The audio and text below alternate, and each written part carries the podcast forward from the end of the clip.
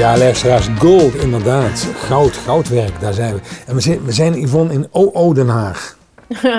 Toch? Deze mooie stad achter de duinen. Eh, in, in de winter bijna.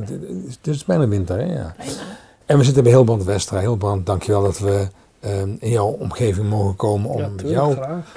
ja. eh, Welkom hier. ja, ja. In de stad van mijn moeder. Ja, ik zei dat tegen Mm. je.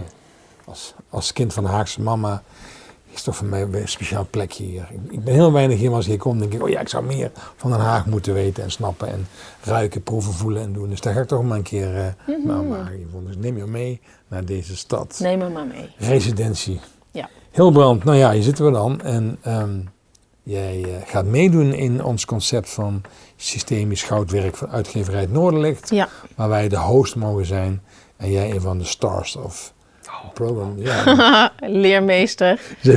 Ja, misschien is het fijn voor de luisteraars om te weten dat het eerste blok eh, transformatie eh, heet. Ja. En dat is, eh, wordt gedaan online door Jan-Jacob Stam en live door Siets Bakker. ja. En dan als tweede blok eh, komt het thema transcultureel systemisch werken met online Veride Gursoy. Zeg ik het goed, Hilbrand? Zo, ja.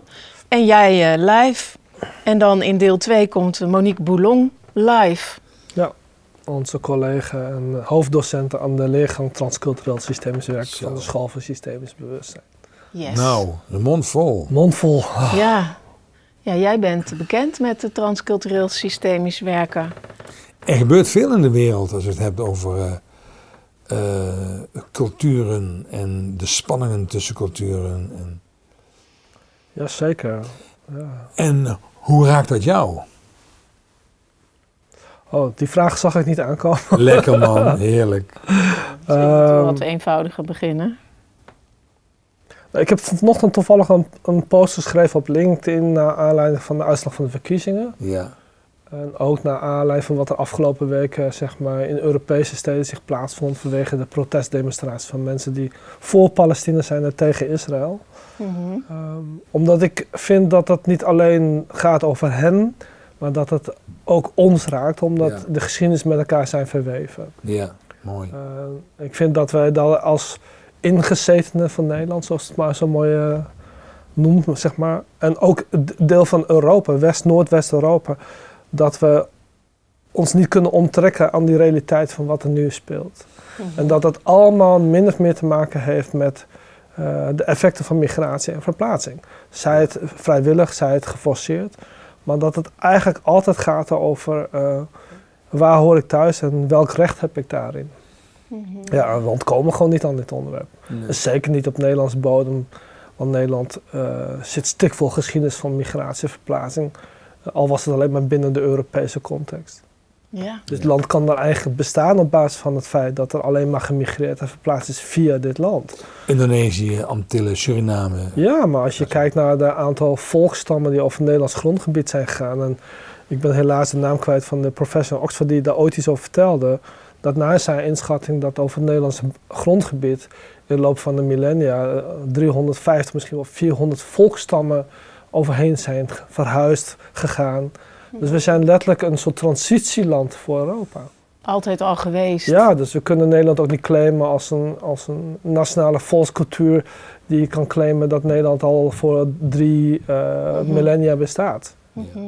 Dus ja, eh, dat is een pijnlijke realisatie voor veel Nederlanders. Maar dat zeg, geeft ook direct aan waarom we zo'n moeilijke relatie hebben met het onderwerp waarschijnlijk. Omdat als we teruggaan naar de Nederlandse geschiedenis, ja, dat, dat wordt dat een, een heikele kwestie, denk ik.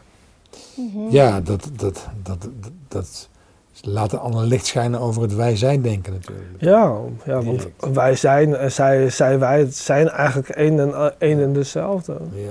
Kijk, ik denk als we hele, maar dat is heel flauw natuurlijk, als we zeggen wie zijn de autochtone Nederlanders, dat we eigenlijk alleen, eh, nou, jullie komen uit Brabant, maar dat is dat deel de Batavieren hè, aan de oostkant en de Friese. Ja, die kunnen voor een lange tijd eigenlijk claimen dat zij qua volk Mhm. al heel lang woonachtig zijn op hetzelfde grondgebied. Maar daar houdt het wel een beetje mee op. Mhm. Ja.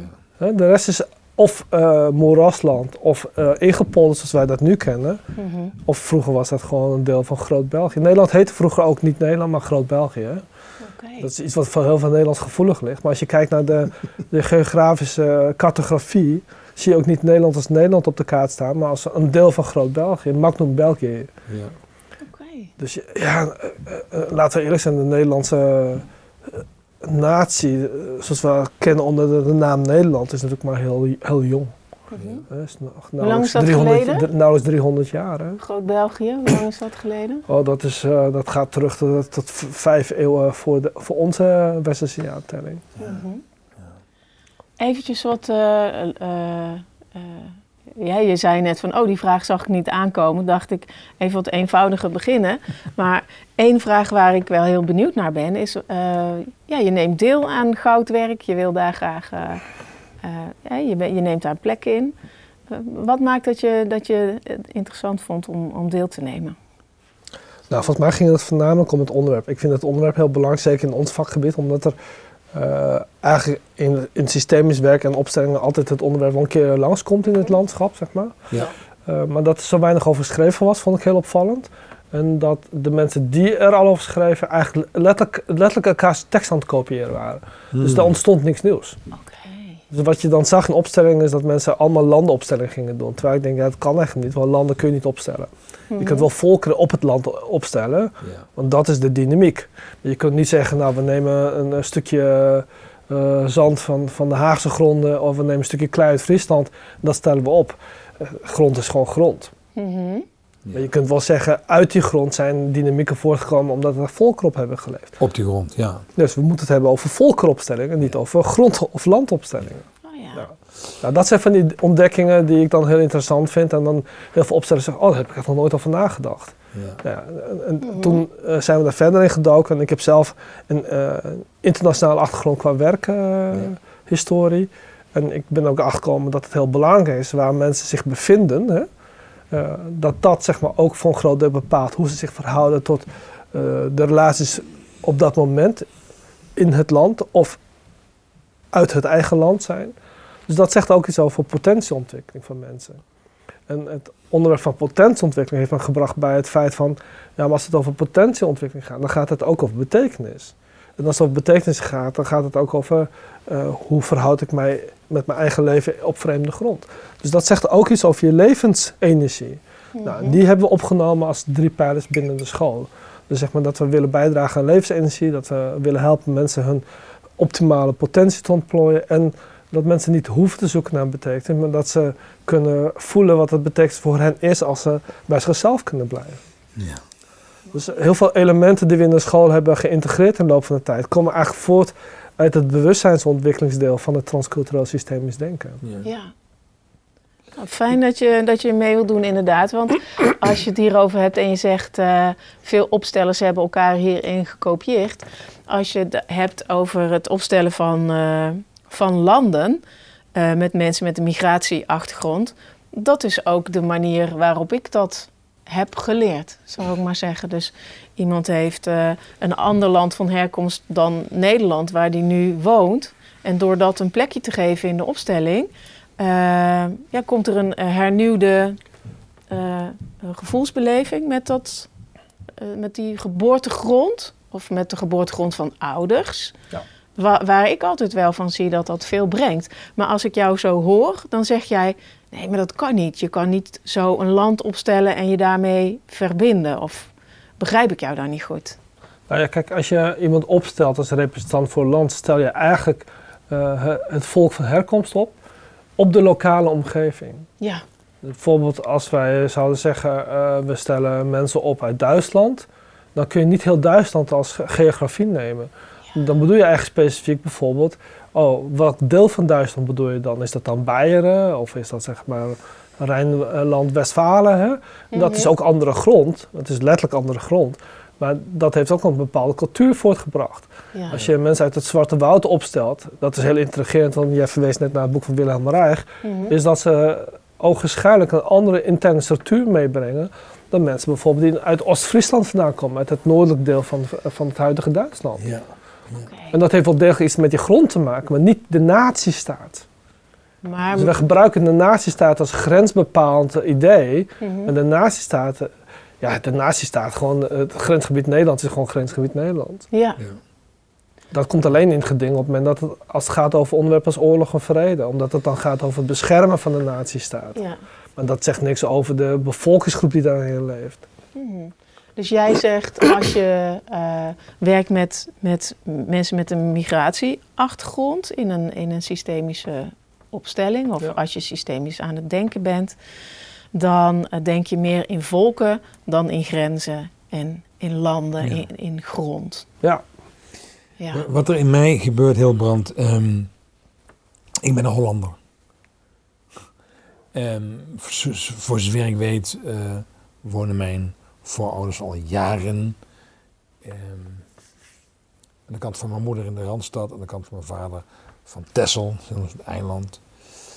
Ehm, als het gaat over eh, mensen die uit andere culturen zich hier verzameld hebben, heb ik vaak zoiets van: oké, wie ben ik om daar in een opstelling iets mee te doen? Dus, dus ik, ik, ik, ik- merk dat, dat als het gaat over ehm, eh, vers- verschillende belevingen in, in een bedrijf, een organisatie, in een team, daar kan ik heel makkelijk mee omgaan. Om- Omdat ik dat, dat ook, gemaakt, ook, ook gemerkt heb als, als leider van een organisatie of nou, als coach van een sportteam. Maar als het gaat over mensen van een cultuur die iets anders meenemen.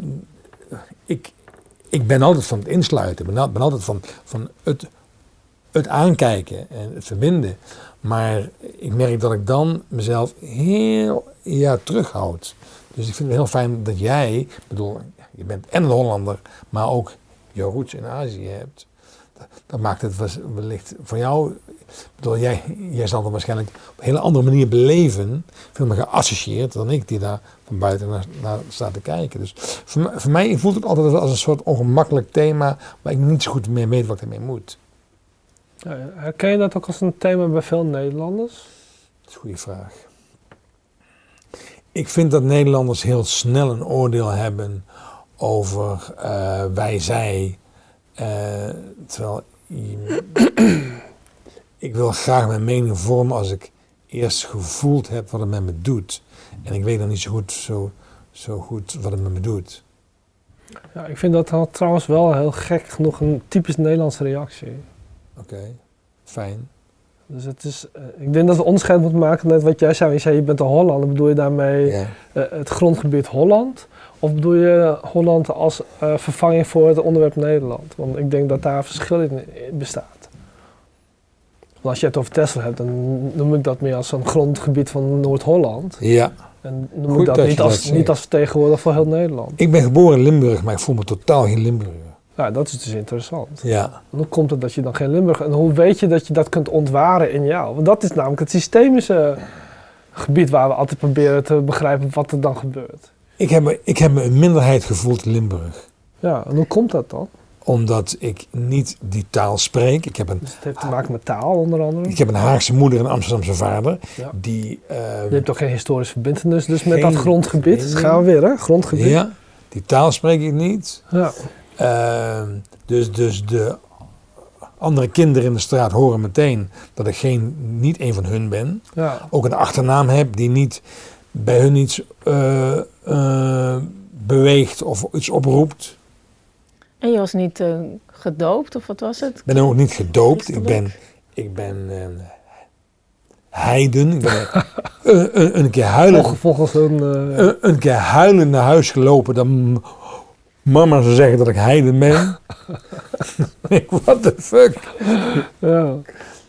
Maar, maar dus, ja, dus, dus Dus het gaat in jouw geval dus over Holland. ja. En ik dus denk dan, Eigenlijk de, de provincie Holland, wat we nu provincie Holland. als ik dit zeg, denk ik dat meerderheid, minderheid misschien allemaal wel op een manier in ons leeft. Ja. En ik vind het wel heel goed om te weten dat ik ergens ook een minderheid ben geweest. Waarom vind je dat goed? Ehm, ik denk dat. ehm dat is een aanname, hè, heel Ja. ik Dat- ben gewoon geïnteresseerd. Ja, ja, nee, maar ik denk dat. ehm, als we alleen maar tot de meerderheid behoren, Mhm. is het wellicht ook misschien moeilijker om te voelen hoe het is om eh, een standpunt van een minderheid in te nemen. En ik voel mij in Limburg. Nu heb ik er geen last meer van. Mhm. Maar ik voelde mij daar altijd wel een minderheid. En ben daardoor ook heel snel gaan verbinden met uh, Molukkers bijvoorbeeld. Oh ja. Die ook een hele bijzondere uh, geschiedenis en een reden waarom ze hier gekomen zijn met zich meebrengen.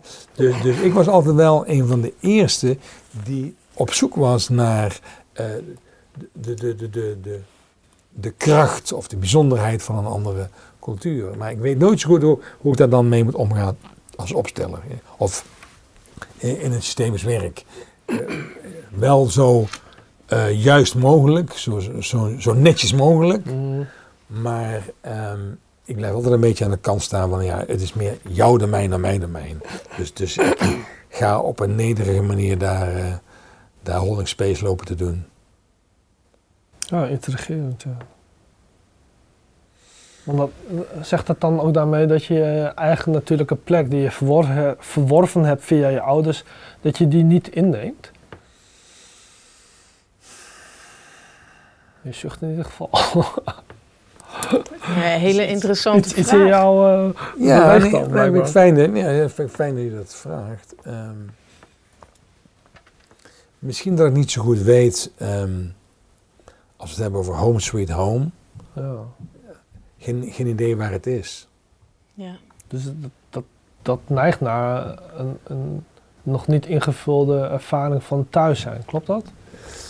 Um, wel in het, het huis waar mijn wieg heeft gestaan. Dus het huis, hè, dat is, ouders en grootouders. Het, het, materiële gebouw, zeg maar. Maar, maar, maar ook in de ordening van, van, van, van mijn, mijn, mijn ouders en grootouders, daar voel ik me heel erg thuis. -hmm. En op straat was voor mij altijd toch een beetje. Um, ik moest. Ik moest. Uh, uh, hoger in de boom klimmen om de hoogste appel eruit te halen om erbij te horen.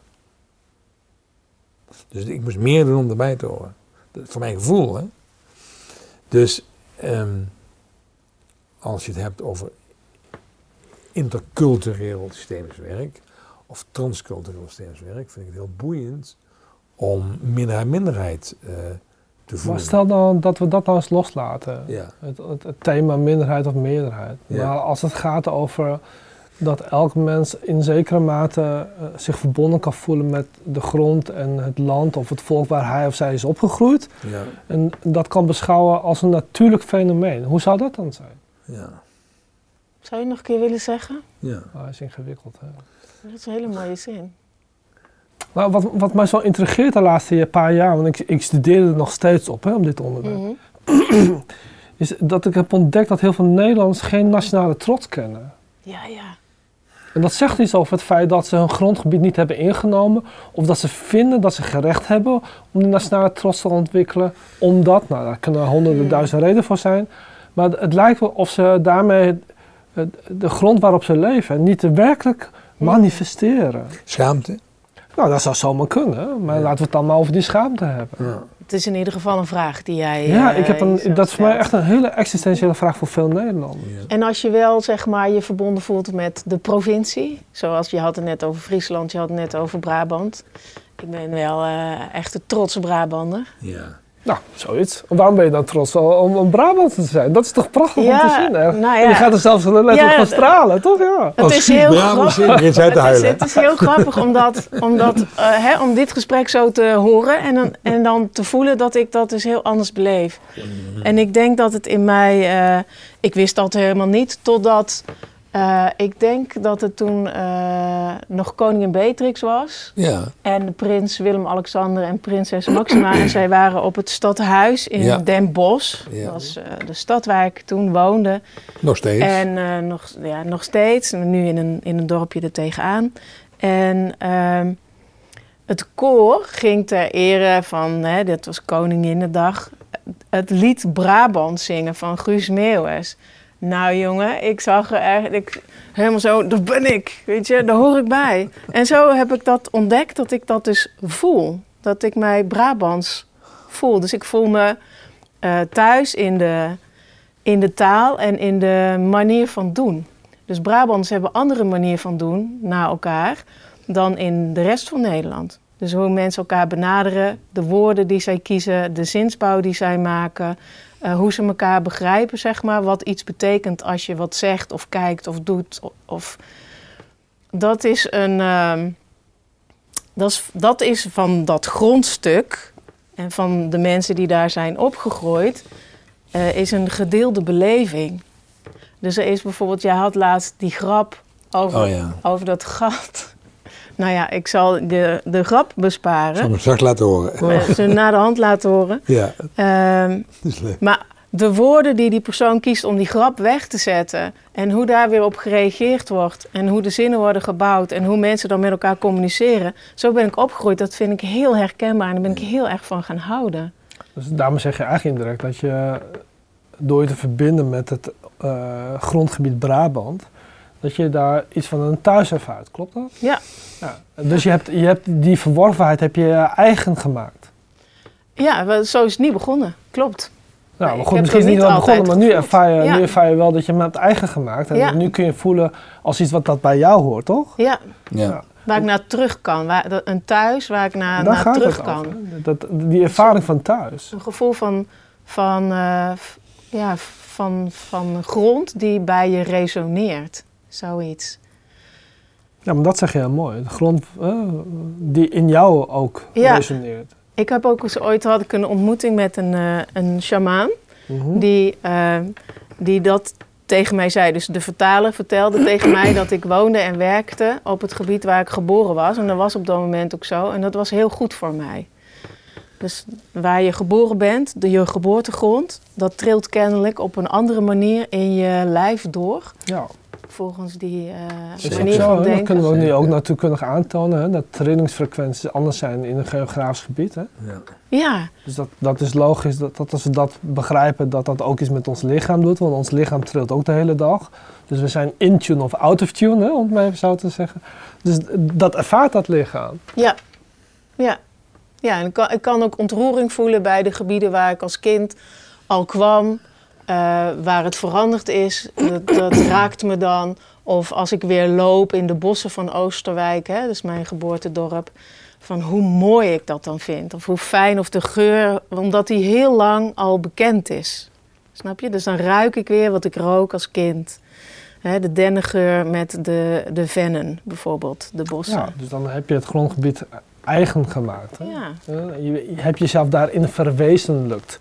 Mm -hmm. En dat woord zegt het eigenlijk al, dat je daarin je wezen hebt laten ervaren, zodat het wezen daarin kan leven, groeien en kan bloeien. Ja, kennelijk uh, dat geworteld zijn in een bepaalde ja. grond, dat doet kennelijk uh, iets, hmm. ja, en iets wat ten jij, opzichte wat van jij nu, je dat niet ja, voelt. Precies. Ja. En wat je net, dus in die zin zijn jullie een mooi voorbeeld. Ja. Want als je die ervaring niet hebt, dan is er toch altijd een soort Mm -hmm. zoektocht naar dat thuisgevoel. Zeg maar. Ja. Want wat we vaak bij migratie en verplaatsing vaak terugvinden bij mensen die het uh, inbrengen als onderwerp, is dat het vaak gaat over vervreemding, ontheemding, Mm -hmm. maar ook verweestheid. Dus eigenlijk Mhm. geen, geen opvangnet hebben in, in de letterlijke zin. Ja. En dat ze daardoor ook zeg maar, door de wereld reizen.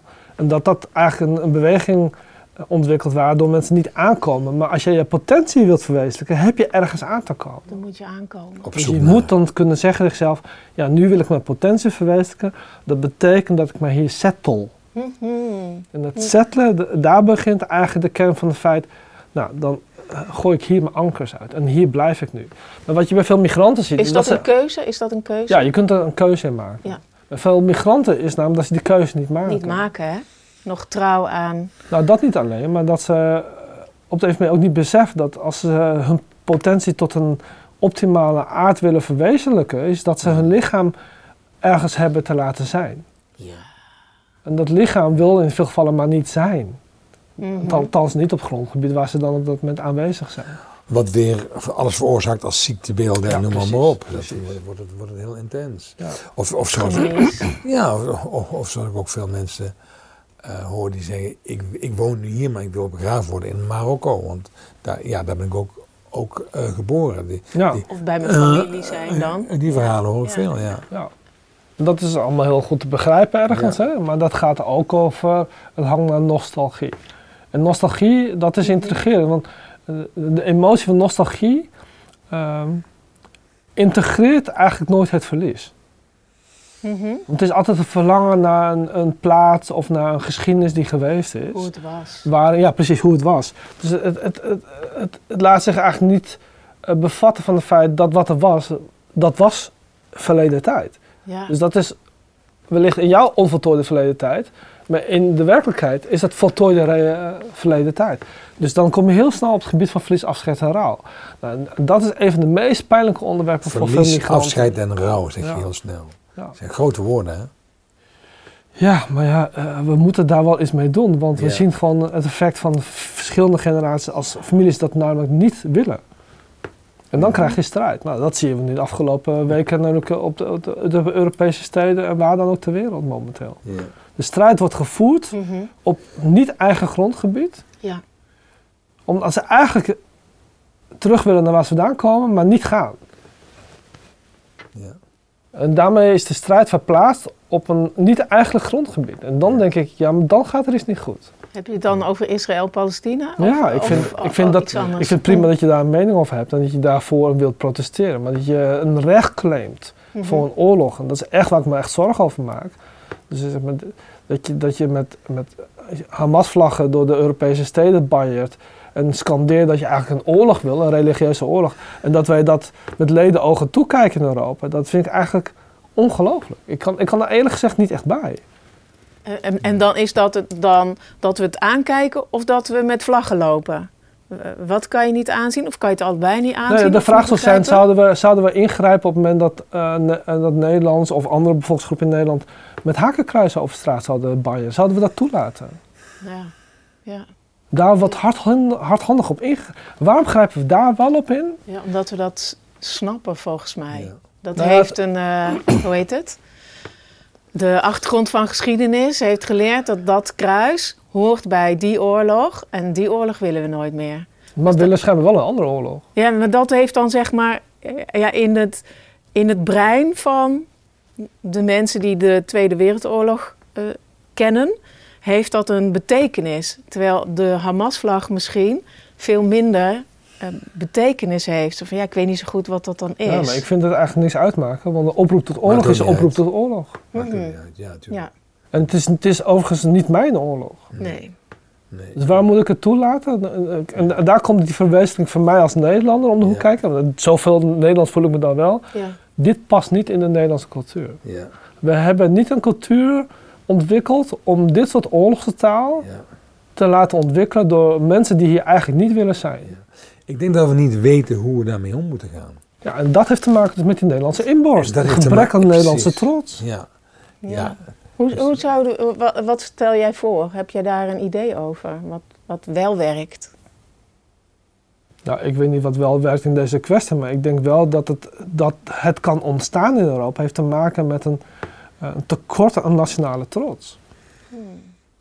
En als we dat niet willen oppakken, dan gaat, nou, dat, dat weten we systemisch, hè? daar waar het weggedrukt wordt, komt aan de andere kant naar boven. Ja.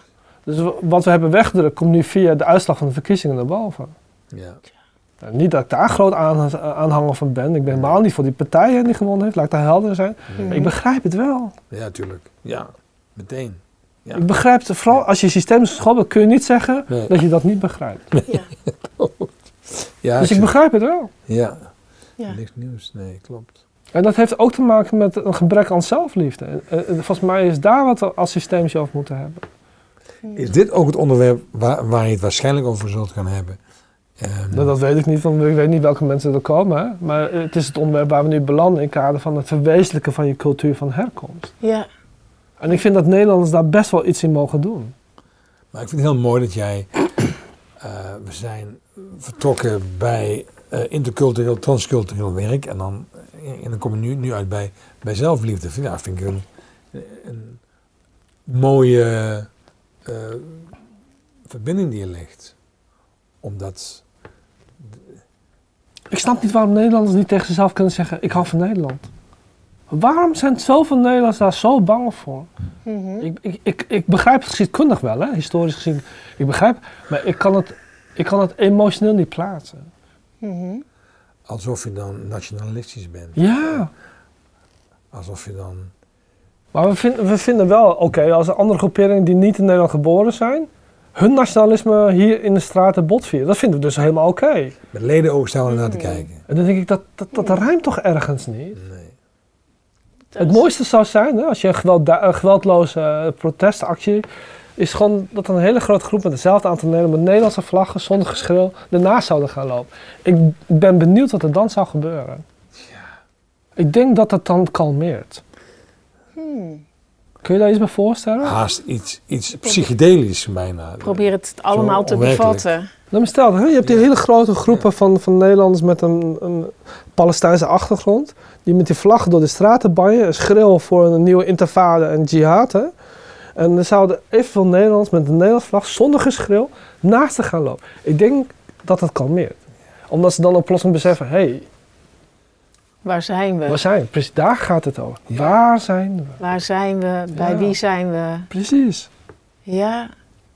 Maar tegelijkertijd, hè, dus jij hebt het over, er is ruimte voor mensen die jihad prediken en met hun- de Hamas-vlag door de straat lopen. Er is niet zoveel ruimte voor Nederlanders die hun eigen Nederlandse trots leven. Daarom is er dus ruimte voor die andere eh, vlag. Dus wordt trotser, dan komt er kennelijk minder ruimte voor de oorlogspredikers. Dat is even wat ik zo. Nou, het gaat ook om dat je, dat je mensen een signaal moet geven. Vergis je niet, je staat hier niet op de grond waarop je deze protest eigenlijk van oorsprong hebt ontwikkeld.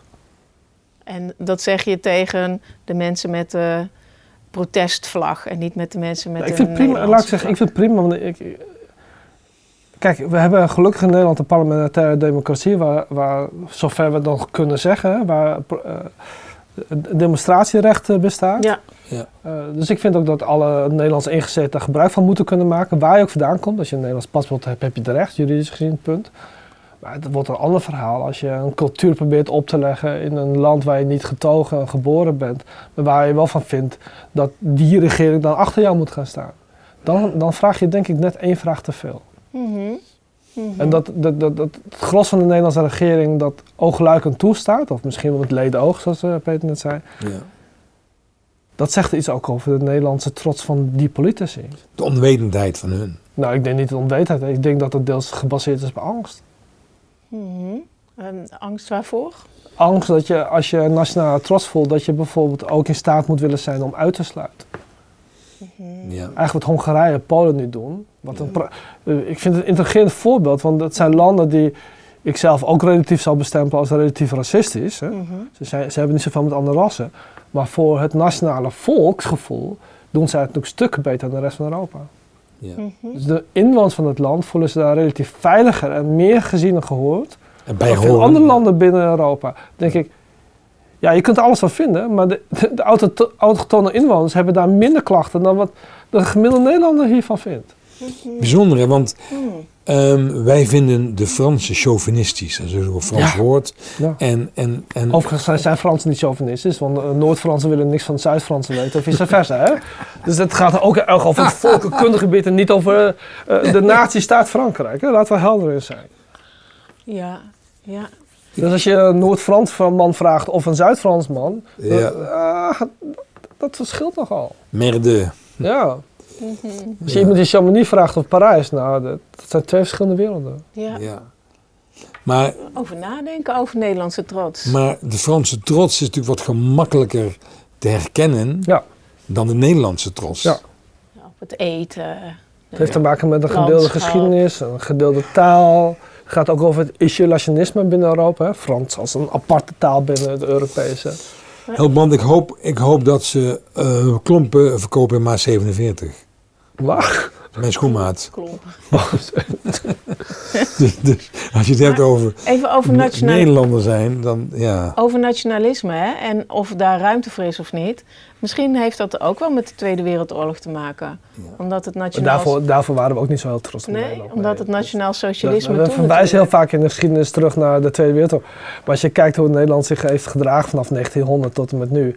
Nederland kent vanuit die periode, of laten we zeggen, vanaf het moment van de nazistaat Nederland, hè, dus van 1813. Mhm.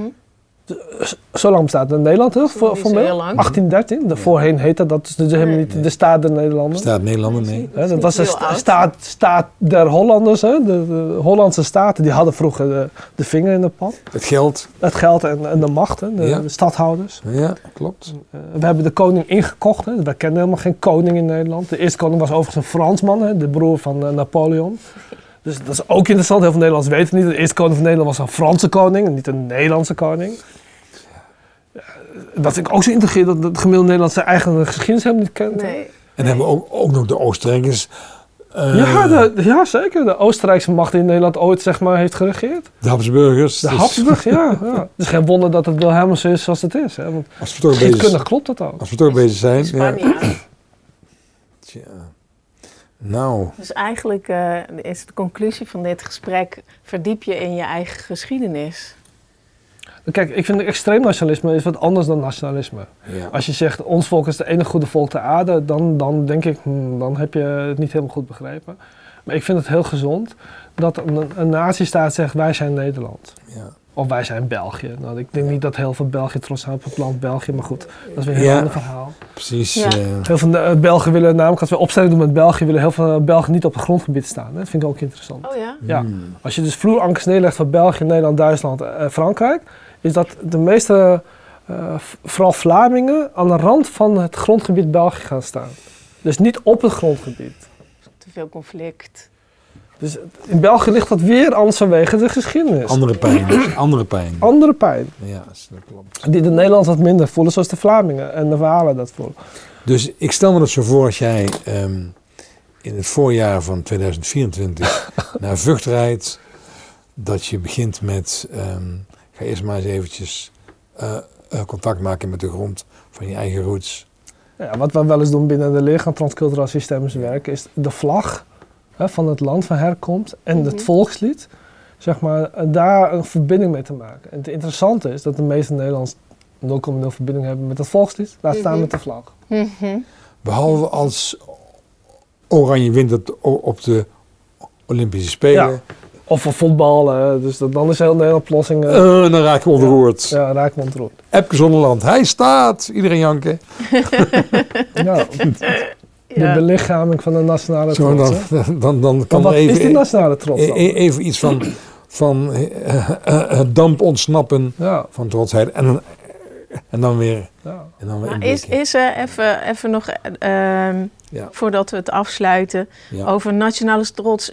Zijn er ook, hè, want je, we hadden net over Frans chauvinisme en zei, nou, Fransen zijn ook niet over het hele land zo tevreden. Die zijn per grondstuk, noorden, zuiden, Ja. eh, chauvinistisch. Belgen hmm, pakken ook niet zo de nationale trots. Nederlanders eh, hebben er kennelijk moeite mee, maar ik zit hier wel ook als trotse Brabander.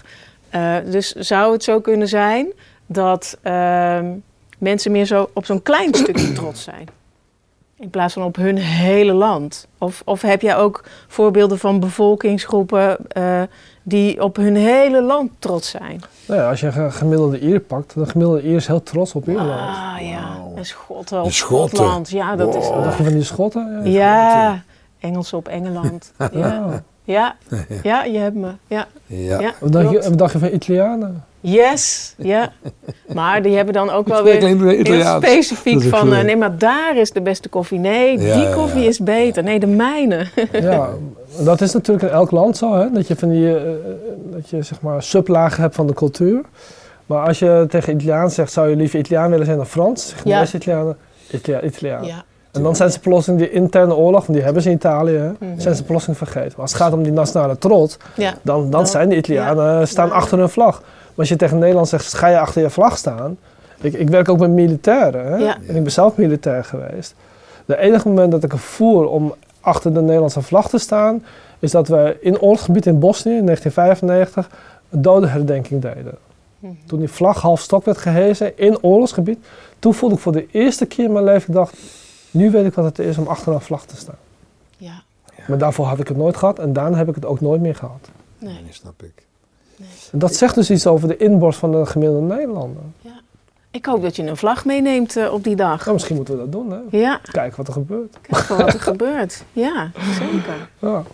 Maar ik vind, het, ik, vind het ook, ik vind het ook verdrietig, omdat het Ja. ook iets vertelt over een gebrek Ja. aan liefde voor het land waar je op, je, waar je op woont. Ja, Dus het- om terug te gaan in die zelfliefde. het hart is er niet meer. Ik denk, Ja. het feit dat we hier discussie over voeren in Nederland zegt iets over het feit dat we op zoek zijn naar een hart, maar zelf eigenlijk niet verbonden willen zijn met het hart van oorsprong. Mhm.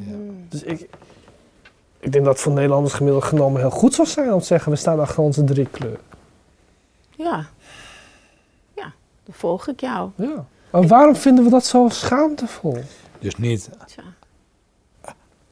I'm black and I'm proud, I'm Dutch and I'm proud. Waarom durf je niet te zeggen als Nederlander, ik ben, ik ben, ik ben trots op het Nederlanderschap? Waarom, waarom hebben de gemiddelde Nederlanders er zoveel moeite mee?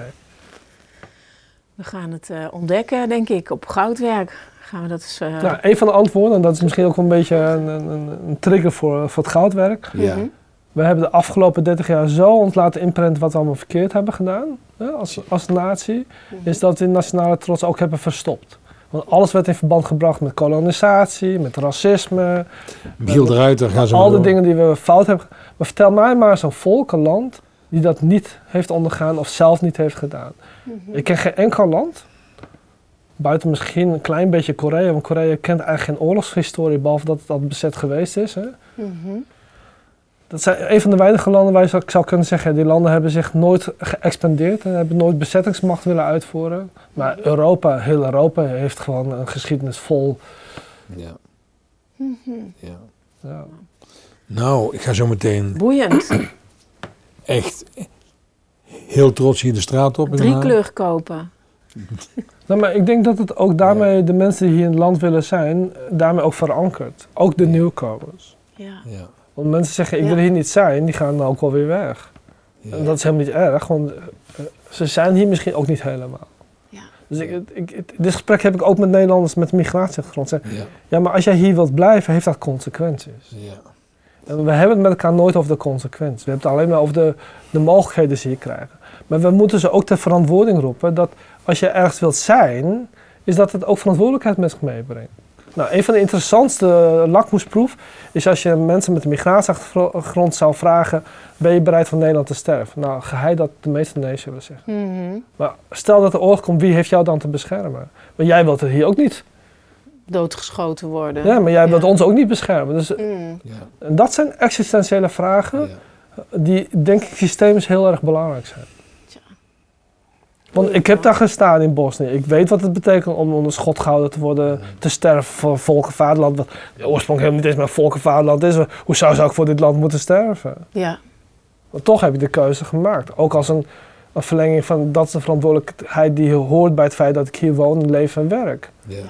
Nou, en, en- ik vind het zo raar dat we dit soort gesprekken maar niet met, met anderen willen voeren, omdat het misschien aan beide kanten wel eens pijn zou kunnen gaan doen. Mhm. Maar dat betekent niet dat die pijn er niet is, want die is er al. Nou, en ik Wat je- denk, eh, wat, wat jij ook wel heel erg eh, nu opent, is eh, bewustzijn in mij. Zo Van oké, dus dat heeft deze en deze. Dat is een soort domino-effect. Van als je hier begint na te denken, dan komt het volgende, het volgende, het volgende. Terwijl als je er dus niet over begint na te denken, dan komt dat volgende dus ook allemaal niet. Dus je moet ergens beginnen om erbij stil te staan, om daarin te kunnen ontwikkelen. Ja, dus mijn appel is voor de Nederlanders die een, generatielange vertakking hebben. In hemelsnaam, hou daarvan. Grond je jezelf erin. Wortel jezelf in. Maak gebruik daarvan. Want jij hebt iets wat veel andere mensen hier niet hebben. Namelijk, je hebt wortels. En zeg maar, ik ben trots op mijn Tessers of wortels. Ik heb een schapenboer verleden, ik noem maar wat. Ja. ja. Weet je steeds, ja. Ja. Wees trots op die schapen. Ik vind het zo mooi als je dan in bijvoorbeeld Schotland dan met die Schotten praten, of die Engelsen, die dan eh, uit, uit tien generaties schapenboeren komen, die dan met die, met die shepherd dogs hè, dan Ja. de wei ingaan en, ja, why not, right? Why not? Ja. We waren in Schotland en die zijn Schot. Whisky starts with water. Scottish water. Ja, precies. En dan kun je zeggen, wat een onzin. Geweldig. Het is toch geweldig? Je hebt er toch een idee bij? Ja. Scottish water. Ja. ja. We have balls like rocks. Schitterend. Nou, heel mooi, heel mooi. Ja, je hebt het mooi geopend. En, en het is mooi dat... dat je, je bent... en Dat, dat is natuurlijk ook je- jouw geschiedenis die je meebrengt. En, en, en de eh, fusie die in jou leeft. Even mijn woord. Dat hoe mooi het is dat jij... eh, zoveel gevoel net daarvoor hebt. En of het nou gaat over adoptie of migratie of in, in, intercultureel zijn. Ehm, mooie missie.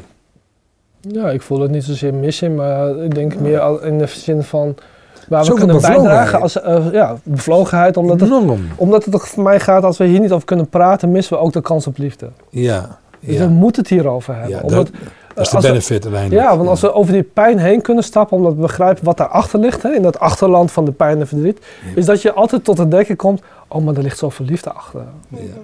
En ik, ik gun het dan, ik, het klinkt gek, maar ik gun het de Nederlanders dat ze zeggen, oh, we zijn een land van, van, van liefde. Ja. We zijn survivors. Want laten we eerlijk zijn, als Nederland geen overlevers had gekend, was het nooit het land geworden wat het nu is. Nee. Want welke gek wil in de hemelsnaam in de moeras blijven wonen?